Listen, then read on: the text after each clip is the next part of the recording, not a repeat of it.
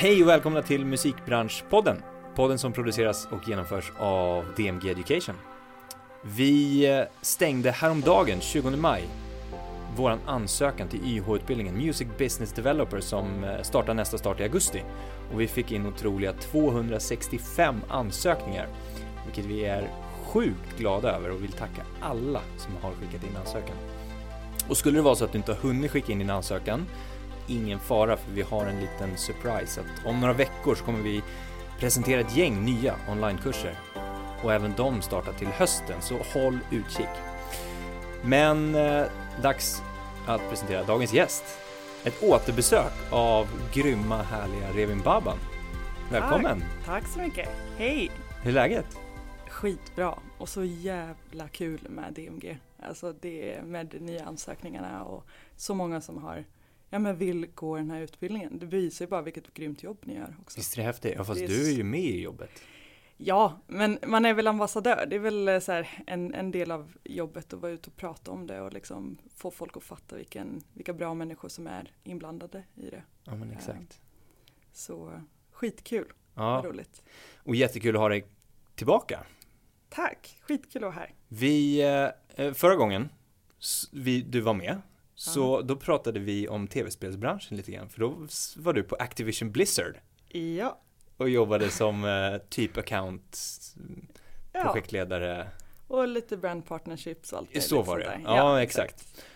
Eh, och nu är du tillbaka i branschen, för du har ju varit i branschen tidigare, musikbranschen och vi pratade en. Ja, exakt. Eh, jag insåg faktiskt för, eh, ja bara det var någon månad sedan att här, jag, det var tio år sedan som jag hade min, fick min första anställning på MTG Radio. Så det är så här, det är tio år, alltså man, man är inte så gammal men man började tidigt.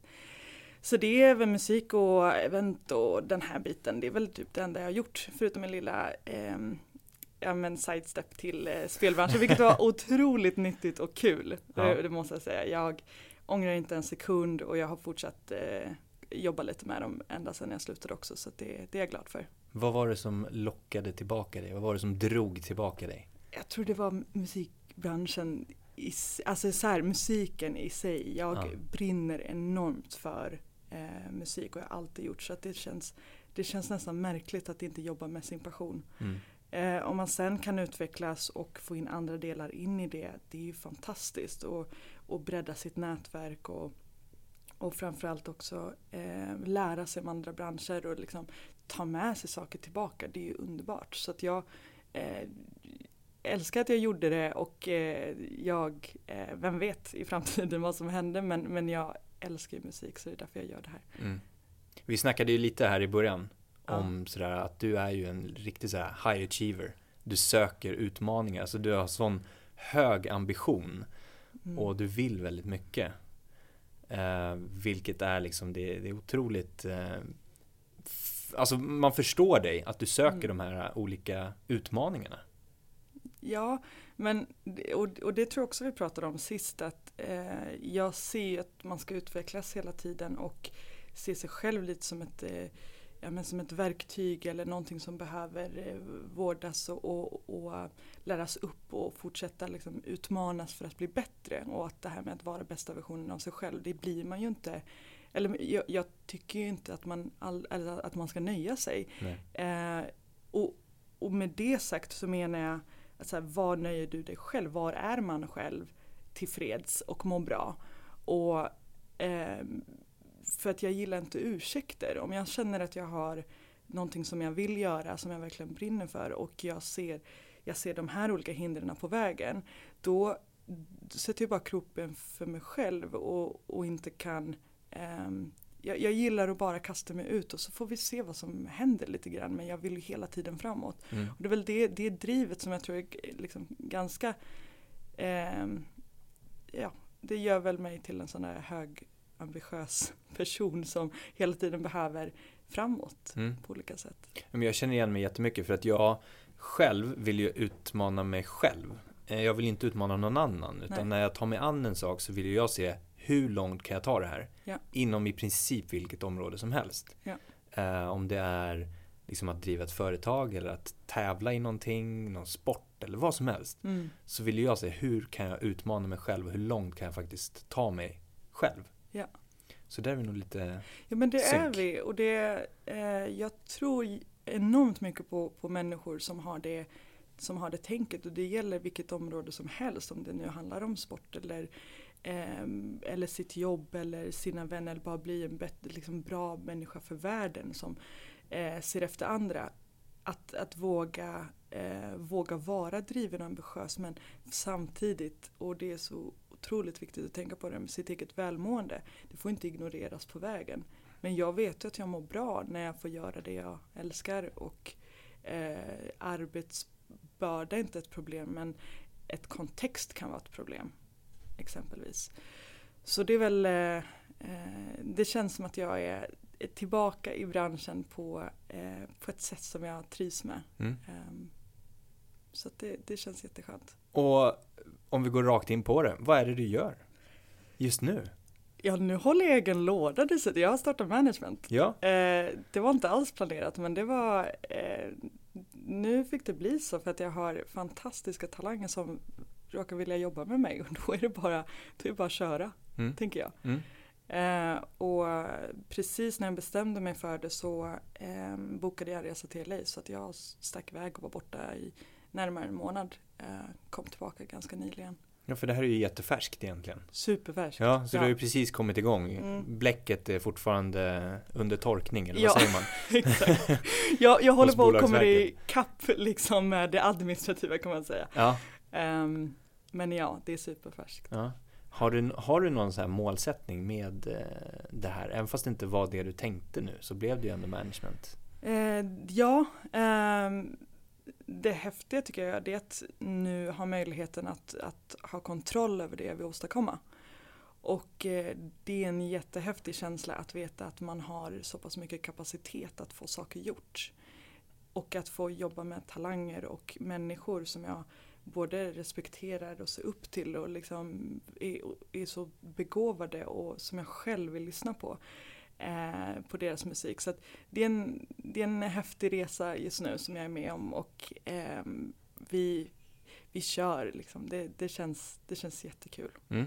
Grymt! Och eh, idag vi ska snacka om eh, lite, alltså hela avsnittet tänker vi att vi går ut på att vi ska prata tips till artister lite grann. Mm. Eh, och alltså independent-artister, do it yourself eh, inriktningen. Mm. Alltså hur kan man ta sig från källarlokalen ut till livescenen och vad man bör tänka på och lite så här. Vi diskuterar det i alla fall. Mm. Men först så måste du ju såklart berätta om eh, Los Angeles. Ja, Och, och vad du gjorde där och vad du hittade på där. Ja men det är faktiskt en, en ganska eh, rolig Eh, resa, eller väldigt väldigt rolig resa. Jag, eh, jag bokade en, en flygtur hon bara så här, hur länge ska jag vara borta? Ska jag vara borta en månad eller tre månader? Eller du vet, det var lite oklart. Eh, men jag bokade så att jag skulle vara borta lite mindre än en månad i alla fall och hade inte ett enda bokat möte. Jag tänkte att det så här ska vara en, en resa där jag får landa lite, får andas och eh, ta lite semester, träffa folk och liksom ja, dra lite kontakter så jag i alla fall kan få till några bra möten. Det blev så att det blev möten i princip varje dag. Nu åkte jag på Coachella också. Ja. Så att eh, jag hade en, en otroligt rolig festivalupplevelse för det är en sån här lite bucket list festival. Mm. Ehm, och även där så här, jag hade ingen specifikt gäng som jag stack med utan jag, jag tog en biljett och så åkte jag dit och så träffade jag folk där eh, som jag kände. Och, och var med olika gäng varje dag och det var fantastiskt. Ehm, det var en, en väldigt eh, häftig upplevelse och jag tycker att alla borde som, alltså får man chansen att åka dit och göra det faktiskt. För det, det är så olikt också det, den typen av festivalupplevelser vi har här tycker Mm. jag. Mm. Ehm, men förutom det så, så blev det ehm, ett möte som ledde till något annat som drog i lite fler kontakter och sen var det så här, jag står här med eh, ett, ett helt nytt kontaktnät eh, vilket är väldigt väldigt kul för att jag jag har, eh, eh, vad ska man säga, hassla låter så fult men det är väl det jag har gjort. Jag tänker att jag Ja, bara, verkligen. jag har bara hört av mig till folk och, och sett till att de här mötena har bokats. På företag också där andra upplever att så här, där kommer man ju inte in. Nej, och, och jag hade dessutom inte ett bolag bakom mig. Jag hade ju inte, det är ju alltid lättare när man säger jag tillhör det här bolaget som jobbar med de här och här. Utan jag som egen person eh, drog i folk jag känner kanske vissa på i Sverige och andra eh, lite här och, här och var. Men, men framförallt så såg jag till att så här, följa upp och, och, på ett bra sätt och på ett så här, vänligt jobbigt sätt som jag, eh, jag och bara såg till att få om det så var tio minuter, fick träffa dem.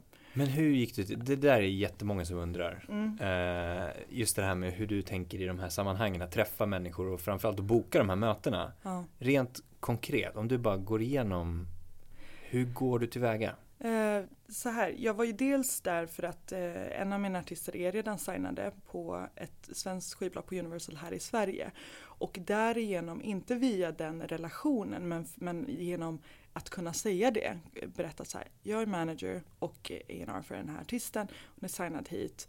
Um, här har du lite kort information och en länk. Jag vill komma och träffa, eh, träffas och spela upp lite grejer. Jag vet ju att folk inte läser och lyssnar på ett introduktionsmail som de inte, där de inte känner personen. Nej. Det kan ju varit så att några nappade på den grejen men framför allt det som hjälpte var ju när någon annan introducerade. Och det här behöver inte ha egentligen eh, ligga nära projektet utan det kan vara någon helt annanstans ifrån. Det kan vara någon jag har känt eh, i branschen i ett helt annat sammanhang som kanske en kompis eller vad som helst eller en gammal bekant som säger bara eh, A&R X på det här bolaget, du måste träffa Revin, eh, hon är i stan, eh, ja, så här, ni, ni, måste ses. Mm. Och, och det gjorde väldigt många av mina möten skulle jag säga. Mm. Uh, och då hjälper det förstås att ha redan byggt upp ett nätverk och, och, även fast nätverket inte i sig är i LA men att, att någon kan på något sätt ge, gå i god för att så här, Revin är en bra tjej, du borde träffa henne.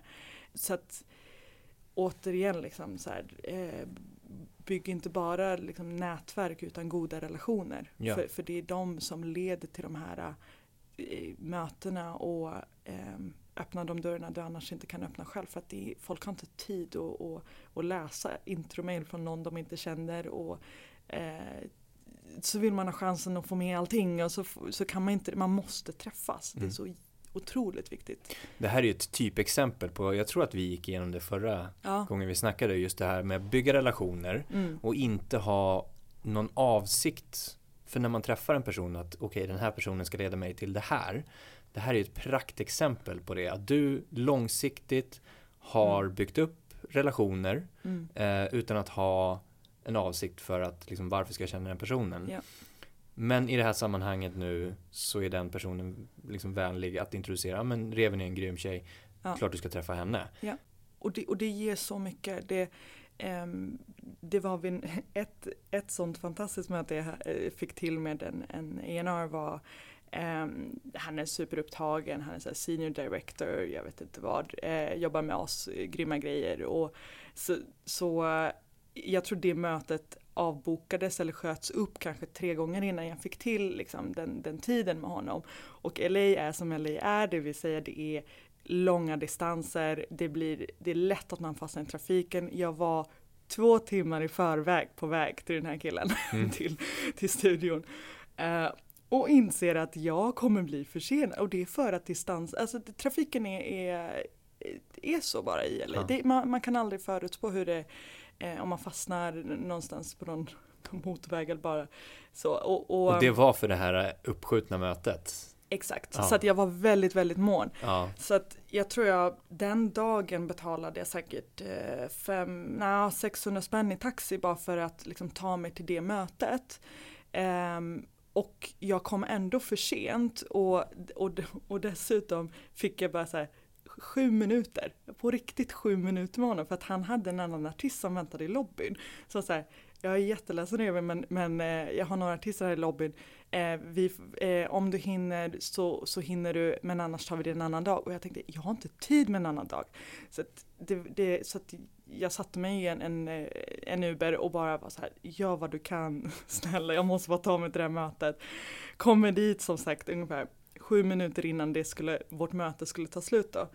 Eh, vi tar kanske eh, ja, ett par minuters introduktion så att jag kan få berätta vem jag är och vilka jag jobbar med. Och sen sa jag bara, och så fick jag ju vara fokuserad. Jag har bara ett par minuter, jag får välja en, eller jag har bara en låt att spela nu. Så att jag körde på den låten jag ville spela och han var helt såld. Är det sant? Ja, han var helt Åh, såld. vad härligt. Mm. Så han, han var så eh, otroligt peppad så att det vändes ju från att så här, jag skulle vara så här eh, eh, hisspitcha honom till Mm. att han började hisspitcha mig eh, efter att låten var slut. Bara så, här, så, här, eh, så här bra är vi och det här teamet har vi, de, vi kan göra, åstadkomma de här sakerna, jag vet inte om du vet det men så att han körde ju all, alla, alla säljknep på mig som han, han bara kunde för att han var så imponerad över det han hörde så att han sa, men vi, vi måste följa upp så att han hörde av sig samma kväll igen och bara så här, kan du snälla mig skicka mer? Och eh, det har utvecklats till en, en god relation Mm. som jag har nu och har eh, förhoppningsvis kanske en, eh, ja, en, en partner för framtiden Mm. eh, för mina artister. Eh, som det ser ut så kan det ju bli så. Och det var för att jag inte gav mig och såg till att det där mötet skedde oavsett hur kort det skulle vara. Eh, jag var bara så här, målmedveten och såg till att det blev gjort. Mm. Fantastiskt. Ja det är skitkul. Ja, vad faktiskt. grymt. Det måste ju kännas den känslan av att säga, åh, äntligen. Ja. Och det, och det var en av dem. Liksom. Men det, så att jag såg till att ta sådana typer av möten eh, mer eller mindre varje dag. Mm. Ehm, och det var ju även, eh, samtidigt var det ett, ett gäng nordiska musikbranschkollegor på plats som hade sina egna konferenser och träffar och de bjöd in mig till sina träffar fast jag inte var med i deras konstellation. Och bara för att så här, ja men det är det som är så fantastiskt med, eh, med människor att så här, man kan göra så mycket för varandra om man eh, bara ser till att liksom ge tillbaka. Mm. Så. Ja. Ehm, Ja, men grymt. Ja, så det var en häftig, häftig resa. Jag fick väldigt mycket gjort. Jätteenergisk efter det. Ja.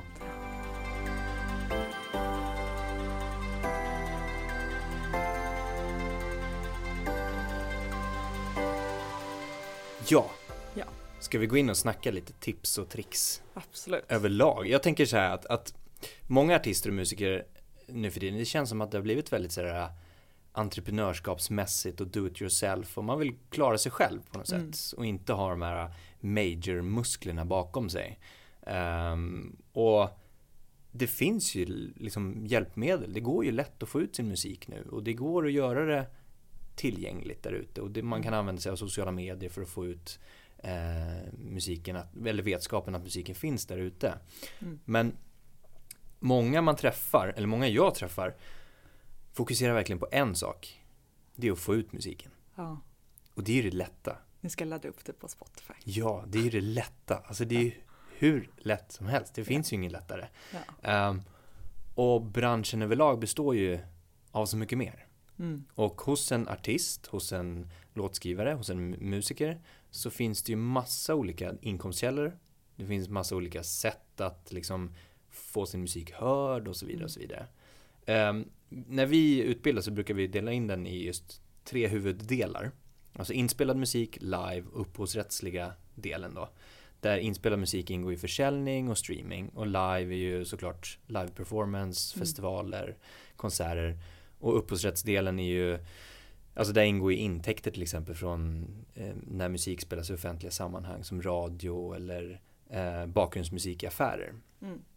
Och om vi har de tre som utgångsläge så bara diskuterar vi lite om de olika delarna som man kan tänka på. Mm. Om vi börjar med inspelad musik och just det där själva inspelningen. Många jobbar ju också med sin musik till perfektion. Och den måste liksom bara tweakas lite, lite till innan jag släpper den där. Är det något som du känner igen hos artister? Jättemycket. Eh, och det blir så här. Det är klart att det kan finnas anledning att göra det. Är det inte, är det inte där så är det inte där. Men, men vissa kan ju ta det till, just som jag tror du försöker beskriva, till, till en nivå där det blir så här, ja men det här, nu blir det en smakfråga och så här, ska man ha de eh, trummorna eller de eller ska vi göra det eller så här, eh, det, det går till så långt så att det, så här, det gör nästan ingen skillnad längre. Nu är låten bra men man, eh, man kan inte släppa ifrån sig det för att man tycker inte att det är perfekt. Och så vågar man aldrig skicka runt det så att någon annan kan få brinna för det och faktiskt göra någonting med det. det, är ju, det då gör man ju sig en björntjänst kan jag tycka. Um, samtidigt så förstår jag att det finns en så otrolig integritet där. Att man måste eh, känna att man står för det. För det är, här, det, eh, jag som kreatör, ska, det, den konsten jag skapar ska vara så bra som jag bara kan göra den. Och mm. jag kan inte släppa ifrån mig något annat. Men eh, varför inte se sig själv också så lite objektivt och bara fatta att så här, men nu, nu är det här, så här mottagare som, som behöver eh, komma in lite i min värld och kanske jag behöver nya ögon och få bolla den här musiken eller eh, strategin med och se om jag är på eh, jag kanske behöver e nya perspektiv själv. Eh, så att bara börja spela upp det tror jag är ett jätteviktigt steg. Eh, även fast man inte känner sig hundra. Mm. Um, var det ja, svar på frågan? Ja absolut, ja. ja. men jag tänker just det där att ju längre du håller på det ju svårare blir det att antingen spela upp det eller att släppa det. Ja. Om du håller det för länge så kommer det bli helt omöjligt. Ja. Och då kommer du känna dig låst i det hela. Ja. Och då kommer du känna dig låst att inte gå vidare till nästa låt för att du inte kan släppa den första så att säga. Just det. Um, så jag tror precis som du säger på om man, om man är rädd för att släppa, börja med att dela med sig av låtarna. Mm. Uh, och få input från andra personer. Det kan vara ens nära omgivning till att börja med. Mm. Kompisar, personer man litar på behöver inte ens vara att man behöver ta in någon feedback på det. Utan Nej. bara själva att visa, här är jag. Ja. Um, sen kan ju nästa steg vara feedback, någon man kanske inte känner. Mm. Och sen släpp. Ja. Men jag tror att, att våga liksom släppa mycket och att kanske inte satsa, eller det är ju klart man ska satsa järnet på varje släpp, men att inte tro att det är den ultimata skrivna låten varje gång man skriver en låt. Ja, det, det, det finns inte heller något som heter det. För att Exakt. Jag menar det är ju mottagarens egen liksom, bedömning på det sättet. Så antingen så eh, berörs man eller så gör man det inte. Och jag menar man själv kan ju tycka att den är helt perfekt. Mm. Sen så lyckas man ändå inte nå fram. Så att du, man kan inte fastna vid tanken om att den ska bli perfekt för det finns inte. Nej. Då. Så det är lika bra att sl börja släppa eh, och, så här, efter man känner sig så här, ja men nu är jag nöjd, jag har fått in feedback och det här känns så här. Eh, vi, vi, börjar här och, och sen går det ju utvecklas. Mm. Alltså, precis, lyssnarna är ju så pass flexibla idag och lyssnar på så ny musik hela tiden. Så det är inte så att de kommer säga, nej men du gjorde en dålig låt en gång och, och, det, och det är liksom, du är stämplad så. Och, och dessutom, vad det, det kanske bara är så enkelt så att den inte når ut första gången. Sen kanske en, en fantastisk låt som är så bra som aldrig nådde ut kanske får ett nytt liv när mm. du bara fortsätter släppa musik. Precis. Så att man kan ju se det lite som ett, eh, ja, men man måste börja bygga ja. någonstans. Ja. Det, jag, ja. Ja. ja. men jag vet ju själv, jag har ju skrivit låtar och spelat in låtar och släppt låtar. Um, inte alls på någon professionell nivå om man kallar det för det. Men, uh, jo då. nej. Jag, jag har sett det, hört det. ja, du har ju det. Ja. Men jag känner igen känslan av ja. att när man har den här liksom demon eller EPn eller singeln att wow, det här är the shit. Mm. Um, och jag kommer aldrig skriva någonting bättre. Mm. Men det gör ju det.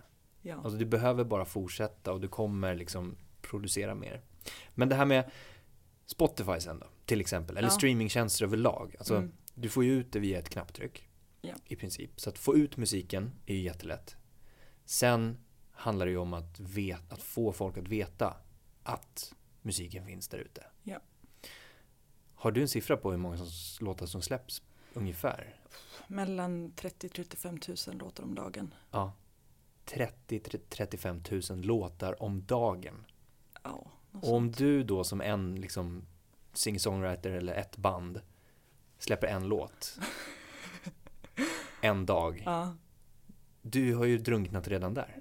Ja, visst. Så därför är det så här, det är klart att man behöver ett team och kan inte göra saker och ting själv. Ja. Eller, alltid. Alltså, det är klart att man kan ha tur om man hamnar i någon spellista som kanske är algoritmbaserad.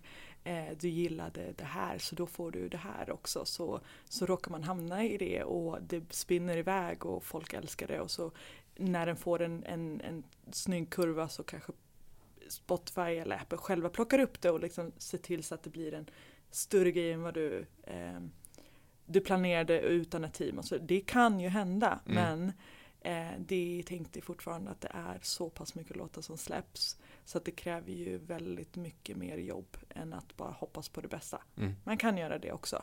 Om man inte har något att liksom, känna att man, eh, att- man har tid med det så Mm. att säga. Mm. Men, men annars så behöver man ju jobba så mycket mer på allt runt omkring. Mm.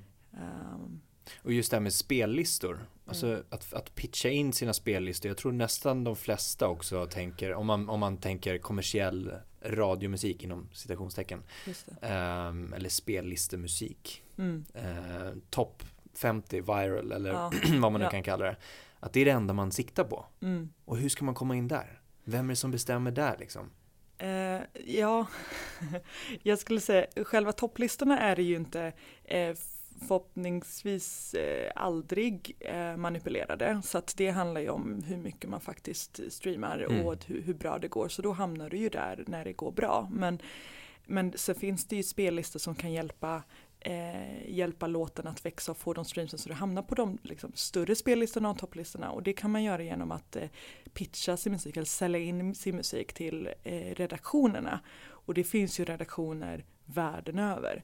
Så, och, och dessutom på de olika diverse plattformar som finns. Så både Spotify har sina redaktioner i olika länder och eh, Apple har sina, Deezer har sina, YouTube och så vidare.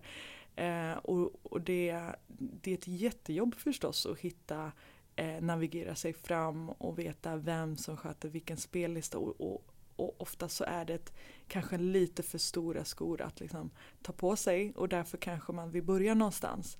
Det kan ju vara så att man tänker att det här, den här musiken är närmast min hemmamarknad och då behöver jag eh, höra av mig till redaktionen i Sverige eller i Norden som kan få in det i eh, förhoppningsvis i spellistor som, som, som kan börja någonstans och sen så kommer ju de testa den och se på datan och funkar det bra, ja men då kommer de de är ju väldigt måna själva om att man har musik som lyssnarna, eh, användarna faktiskt vill höra. Så då, då om det ger en eh, bra statistik så kommer ju det förhoppningsvis bara göra sig självt så. Mm. Eh, om den, som man säger på fackspråk, performar bra.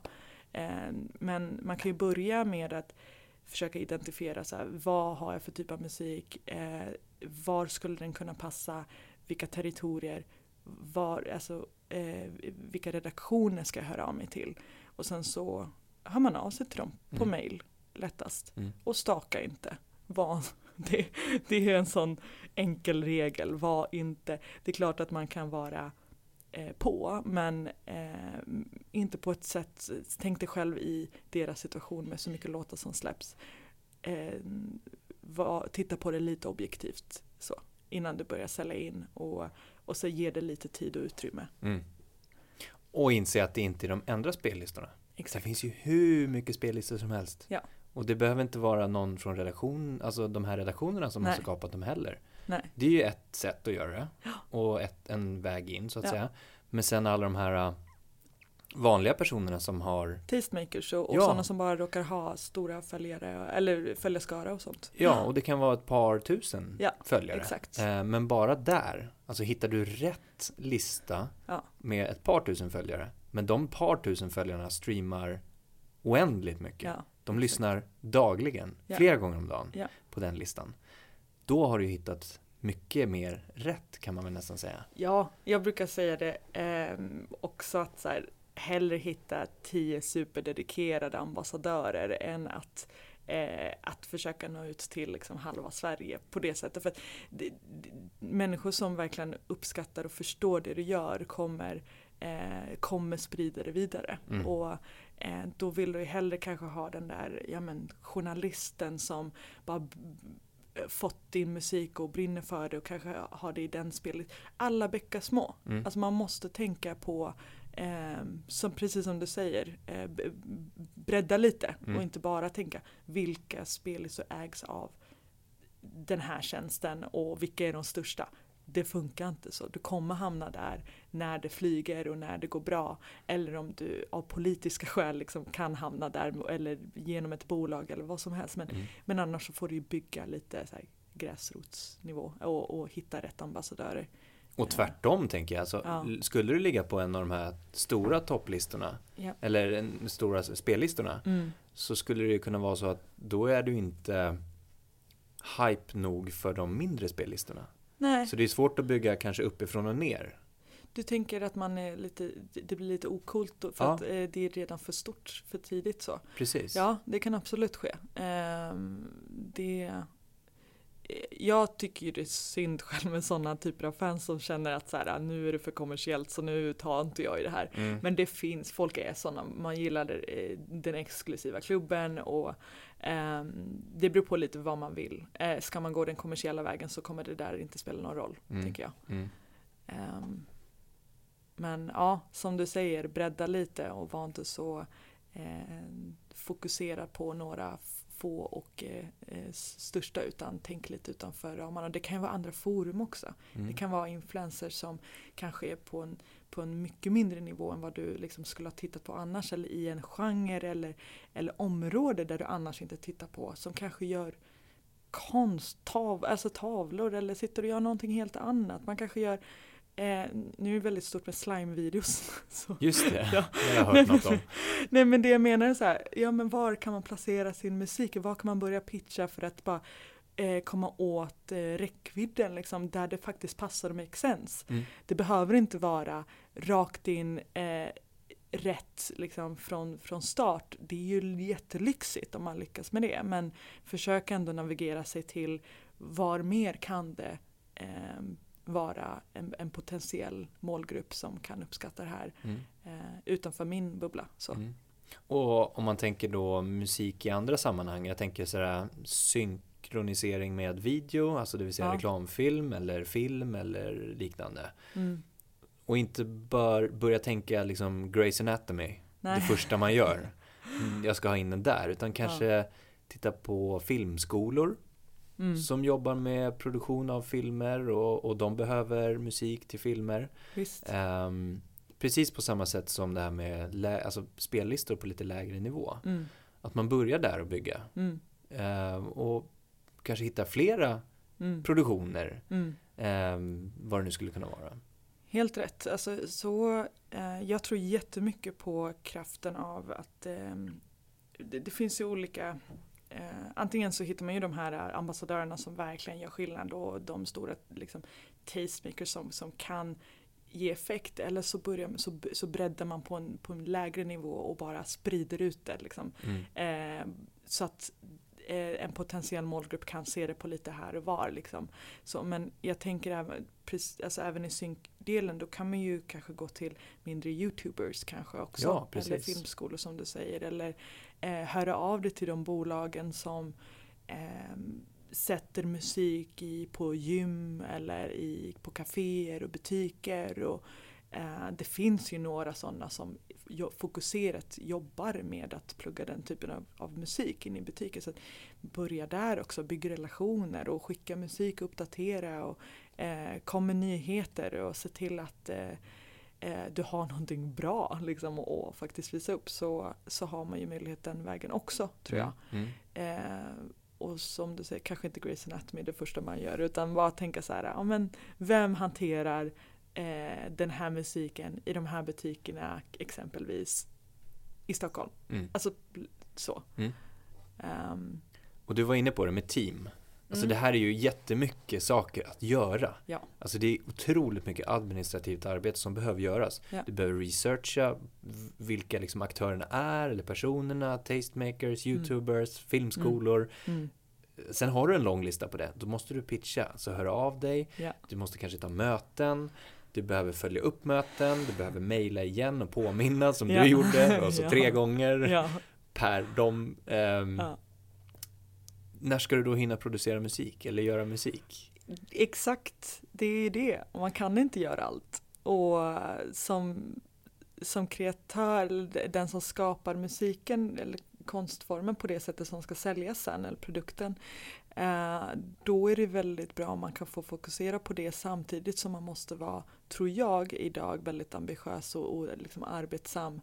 Ehm, ha lite entreprenörstänk oavsett vad. Du kan vara världens mest begåvade liksom, producent. Eh, eh ja, men, men att jag jobbar med, med en sån eh, kille, Tom Liljegren som heter Tom Tate. Han, han är inte, nog med att han är överbegåvad, alltså han är otroligt duktig på det han gör i, i det han skapar i sin musik. Men han har ju tänkt ett litet företag runt sitt bolag och hur mm. ska han, vilka bör han prata med, vilka liksom Um, ja, men an, nästan göra så här, olika sheets och, och, ett helt schema och det, det är så stort så uh, det blir för mycket att göra. Så att där istället får man ju nästan bromsa och säga okej okay, Tom, fokusera på att göra klart de här låtarna så kan jag börja med de här mm. grejerna.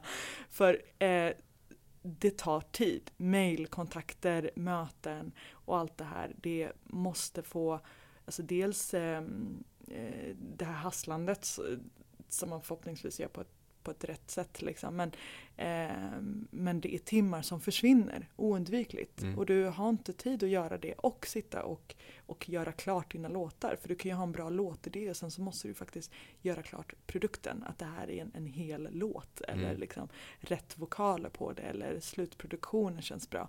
Så att definitivt ta in folk som kan hjälpa dig med de bitarna. Eh, förhoppningsvis kan man ju om man själv inte har en budget då eh, hitta någon som brinner för så mycket så att man vill vara någon typ av managerroll där man eh, allting, då blir det ju väldigt mycket på späck. Alltså eh, man jobbar och, och sen så jobb, eh, man investerar ju sin tid och ger det utdelning så får båda utdelning men ehm, men annars om man har budgeten nog för det hitta team som kan man kan köpa en tjänst utav liksom, som mm. kan göra det jobbet. Och jag tänker det du var inne på med tid, att det, det är energi också. Ja. Att om du lägger ner, även fast du skulle ha tid till att göra det, mm. så kanske du till slut tröttnar på det och inte ser varför du egentligen håller på med det kreativa. Ja. För att business-sidan eller det administrativa väger över för mycket ja. och tråkar ut på något sätt. Och mm. du har ingen inspiration att skriva. Så det blir någon slags mm. ond spiral. Um, och just därför att inse då att man behöver ta hjälp av någon. Men redan där har du entreprenörskapstänket. Ja. Du vet att det ska genomföras. Ja. Men att rent liksom tidsmässigt genomföra det själv behöver inte alltid vara det man behöver lägga tiden på. Exakt. Men också, jag tror att hittar man någon slags form där man ändå kan liksom en timme om dagen lägga på administrativt arbete och avlasta den som är manager eller mm liknande och visa att man själv också vill bidra. Mm. Um, och, och, och, bara liksom planerar in det rent tidsmässigt. Mm. Ja men varje dag liksom. Mm. Varannan dag räcker. Um, så kan du fortfarande ha otroligt mycket tid och energi till det kreativa. Ja. Men har man tagit in någon som ska hjälpa en så är det också viktigt att den där timmen om dagen eller så här, när saker och ting börjar hända. Det här är ju verkligen någonting man känner av när man jobbar på managementsidan. Att så här, eh, eller ja, överlag egentligen på, när man är på den så affärsmässiga sidan. Det börjar det hända någonting, då måste man vara snabb. Mm. Då har man inte heller tid att säga, nej men jag väntar ett dygn på att svara på det här. Och så har man missat en chans som kanske kan, kan vara att man fick till en låt med nästa stora superstjärna som man har skrivit. Men du vet, ja man, det, eh, och det här är eh, det måste man kommunicera sinsemellan, liksom, de man jobbar med och, och, och, och bara så här, vad, hur snabbt liksom, behöver vi svara, eller så här, hur länge får jag vänta typ tills jag, om det har gått fyra timmar, tar du ett beslut då själv? Mm. Att, att man eh, har någon typ av förståelse där att, eh, och, och ömsesidig eh, ja, förtroende för varandra i att så här, när, när jag kommer med någonting så vet jag att jag får svar och jag får svar snabbt. Eh, eller när vi har en möjlighet där och, du, och jag har inte den möjligheten att, att vänta så länge. Vilka beslut kan jag ta själv och så vidare. Så att, för att det händer ju vissa mm. saker. Så här, för att man kan ju arbeta för någonting hur länge som helst och det inte lossnar. Så till, rätt vad det är så kommer den där möjligheten. Då måste man ju hugga direkt och, och förstå att det här är det, det är nu vi tar chansen. Och då kan man ju inte vara för långsam. Ska vi gå in på live då? Mm. Nu har vi pratat inspelad musik och i och för sig vi har touchat marknadsföring och vi har touchat eh, team också, ja. bygga på det. Men live-biten där, hur man kan tänka i de banorna. Um, det är lite samma där, pitcha in sin musik när man säljer in sig till gigs eller Ja. festivaler. Mm. Ehm, har du någon erfarenhet av, av den biten? Mm. Ehm, ja, en sak som jag tror är väldigt, väldigt viktigt när det kommer till arbeten om man inte redan är etablerad och har mycket gigs, det är ju att eh, försöka ändå få ihop någon typ av video eller någon, någon typ av material som man kan visa upp. För människor vill se och förstå liksom att det här kommer leverera live och det gör man ju inte förrän man får chansen att visa upp det på det sättet. Man kan ju inte bara sätta ihop ett eget gig och förvänta sig att alla bra människor kommer vara där på plats och fatta grejen. Utan gör en typ av EPK eller någonting där eh, det ser så här proffsigt och det låter bra och inte för eh, så, att, så att ljudet är bra, eh, ni ser balla och coola och härliga ut och liksom ser ut att ha kul med varandra eller om du är själv som artist. Men att eh, material som ändå visar på vad det är man kan förvänta sig live Mm. och den energin som du vill förmedla. Mm. Eh, och det skulle jag sen då eh, ihop med någon text och lite musik och länkar och, och sådär, få ut till folk och bara börja eh, göra bokningsarbetet.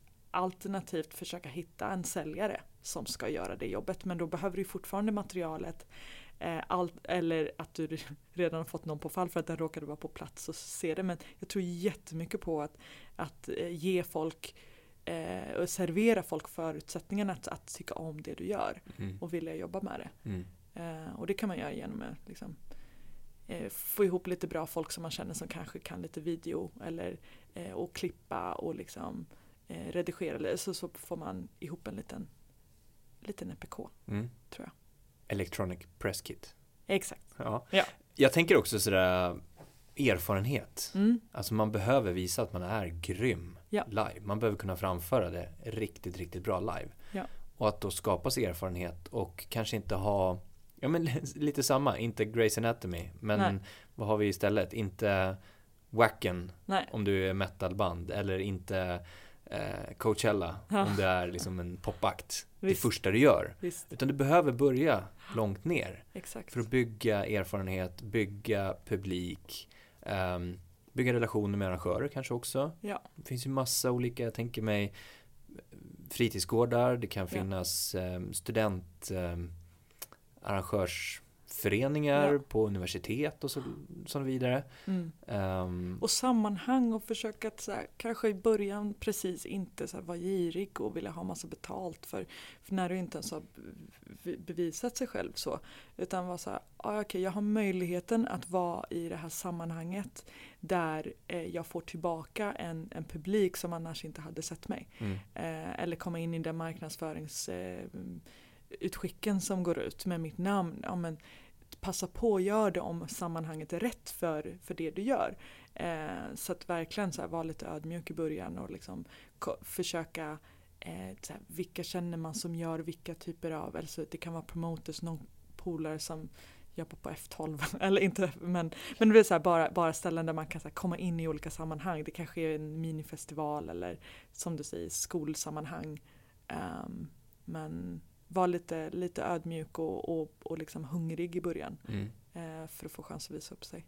Ja, verkligen. Ja. Men sen också samtidigt ha någon slags nivå och kunna tacka nej när Ja. man har kommit upp en bit. Men det, det är senare. Ja, Men säg att man har kommit upp en liten högre bit då och Mm. liksom kunna, man har gjort ett antal gig och man mm, kan mm, börja ta betalt. mm, Att kunna ställa lite krav också. absolut. Eh, för det blir ju lite sådär att om man klassisk rockbandssvängen sådär man Ja. spelar på en pub eller liknande och får tre glas öl och mat Det- som, nej. som gage liksom. Ehm, och det blir ju så att ja, men den arrangören eller krogägaren säger ja, men vill du inte ha det då tar jag nästa band. Ja. För de står på kö.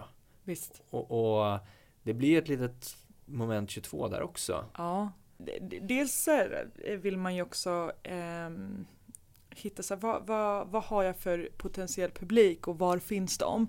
Så att man sätter sig själv i rätt sammanhang. Så att jag Mm. vet ju att eh, Svea som jag jobbar med ska inte stå på de här scenerna oavsett då hur tidigt hon är i sin karriär. Hon ska in i de här sammanhangen.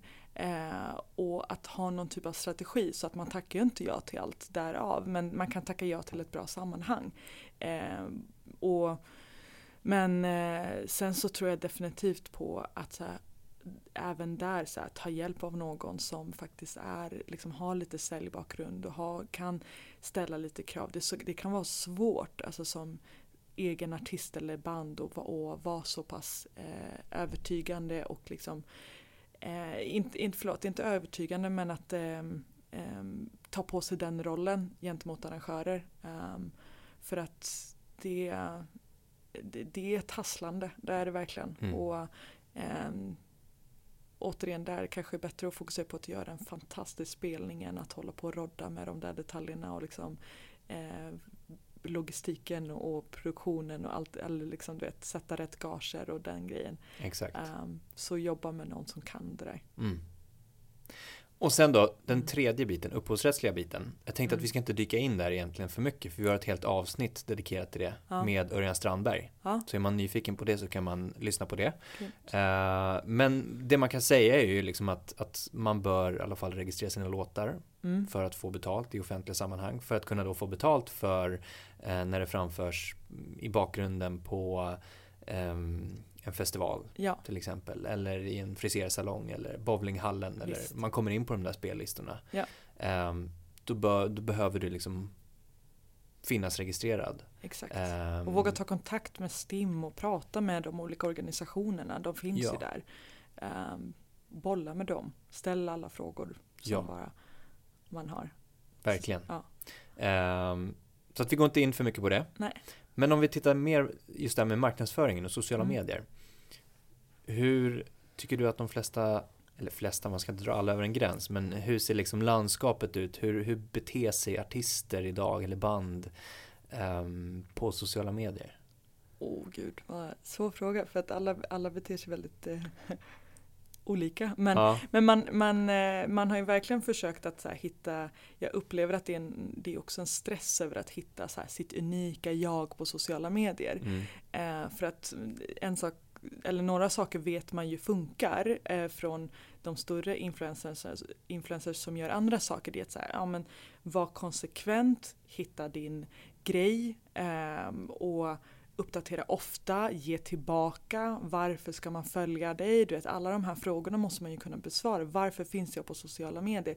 Varför ska man följa mig där? Mm. Det handlar inte om att man gör folk en tjänst eller så här, men du borde tycka att jag är fantastisk och gör jättebra musik. Jo, jo, men vad, vad bidrar du tillbaka? Vad är det som är så kul med att följa dig på Instagram?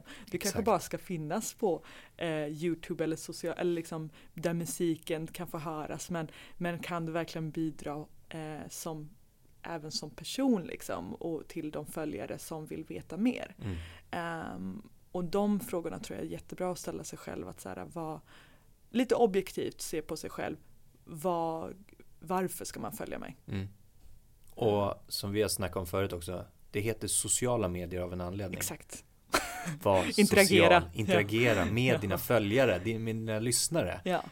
Fråga dem saker och ting, eh, vad som helst. Exakt. Eh, blanda med dem i dina beslut eller dina produktioner eller låtar ja. eller you name it. Ja.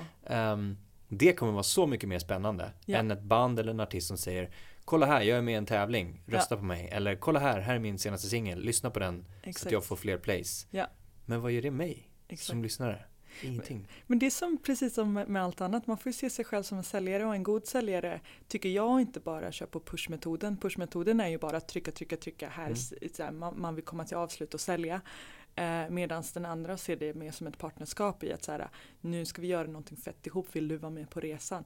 Det här kan jag ge var, eh, och, och, försöka hitta liksom, ja, med synergin med sina följare eller sina partners eller vad man nu ska kalla dem och mm. så här, eh, eller fans att eh, man får vara med på resan. Ja, mm. men, är man mer investerad, precis som du säger, alltså som fan så eh, är man ju också mer lojal och är villig att ta det extra steget eller köpa liksom eh, den där merchen eller biljetten eller vad det är för att man, har, man känner att man är liksom med på tåget på ett mm. helt annat sätt. Om du inte bryr dig om dina fans, det, alltså det är ju människor. Folk snackar ju om det också. Då blir det så här, ja men det är så eh, skitbra musik men skittråkig att följa på sociala medier och då gör man bara inte det. Mm. Så mycket, mycket mer ge. Mm. Mindre ta. Mm. Och med ge betyder inte att ge musiken och se det som en så här, men vadå, jag ger ju musiken hela tiden. Jo, men det är inte det som är det du ska ge. Det skulle kunna vara, ehm, ja vad skulle det kunna vara? Säg att du är, du är skitduktig på att producera musiken Mm. på något sätt och du sitter i studion. Ja. Ge tips på hur du producerar då. Ja. Utbilda dina följare Visst. liksom inom det. Eller gör en serie om din katt som Ja. alltid är med på giggen. Eller Ja. alltså vad som helst. Alltså gör någonting extra och ge underhållning eller ge information Ja. eller utbildning eller vad som helst. Ja. Ja men verkligen. Ehm, nej men så här, ver- verkligen. Och sociala medier är, ska fylla sitt syfte. Som du säger, ge kan man, musiken kan man ge på, på olika sätt liksom. Men eh, försök se dem som en del av processen istället. Och eh, ehm, Ja men sen också, var inte så rädd för att trycka på postknappen. Det är Nej. en grej som är så många artister har så svårt med. Som, som vissa kan tycka så här, vadå vi lever i 2018, hur svårt kan det vara? Alla tycker väl att det är viktigt? Nej, alla gör det dels inte det. Eh, och vill inte prioritera det. Villa, vissa vill göra det men tycker att det bara är motigt och jobbigt att trycka på postknappen. Och det är någonting, en liten en så här, grej man måste komma över. Om man nu vill vara på sociala medier, inte se det som en så otroligt eh, svår tröskel, just den, den grejen. Mm. Att så här, ehm, våga lite. Var, var inte för, för, för perfektionist där Och då heller. kommer vi tillbaka till det vi började om med låtarna, alltså perfektionist. Ja. Man är rädd för att Exakt, visa upp någonting, Ja. vad det nu är. Det måste vara till perfektion. exakt. Släpp det. Ja. Posta Bra, vi ska, grymt. Vi ska ta två stycken scenarion tänkte jag. Ja. Som du ska få sådär, eh, ett band och en singer-songwriter. Men två, två scenarion med artister. Och vilka tips du hade liksom gett till de här personerna. Mm. Eh, utifrån liksom ett managementperspektiv, hur de kan utveckla. Så eh, scenario nummer ett, ett band som skriver sin egen musik. Mm. En fyrmannaband, repar i en källare, har gjort några sådär spelningar på klassiska emergensa Ja. eh, tävlingar och liknande runt om i Sverige. Och de har släppt en EP Mm. med fem låtar som ligger på Spotify och har 1000-1500 streams sådär. Det är väl kompisarna, mamma och eh, de själva som har lyssnat. Ja. Och bandet vill ut mer liksom. De vill få ut musiken på något sätt. Vart bör de börja? Ganska kortfattat. Eh, ja, ehm, där tror jag också på så här. Snälla försök hitta någon att jo- jobba med som kan hjälpa dig i, i att sälja in i eh, Eh, för man har varit med så många gånger om att det här bandet ska göra allting själva. Precis, det kan handla om att det är en extra person bara som är där och hjälper en. Och kanske någon som ser till att det kommer in, eh, filmas och fotas lite bra material som man faktiskt kan, kan eh, sprida och, eh, för en potentiell fanbase. Men, men, men för, hitta, hitta lite den, ditt, ditt team och eh, börja navigera dig fram i så här, ja men var ska vi synas? Göra ett litet så här, eh, liksom ett schema eller kalender liksom i att så här, ja men de här personerna behöver vi kontakta då, eh, då ska vi ha kommit dit, vi säljer in det då, vem är kontaktperson, vem tar de här, eh, driver den här processen så att demokrati i all ära men det behöver finnas en liten av en ledare som kan, kan ta den delen för annars kan det bli jätterörigt. Mm. Framförallt med band tror jag att det, en, det finns en tendens att det blir det. Eh, men helst av allt så här, hitta den där ambassadören eller någon som kan hjälpa till. Um, och vara ärliga med förutsättningar från början så att man vet vad som man ger sig in på. Perfekt. Så scenario nummer två då. En singer-songwriter som skriver egen musik och har gjort det i cirka 8-10 år. Eh, haft en låt med på P3s B-lista för lite drygt ett år sedan. Mm. Eh, gick ganska bra, fick bra rotation.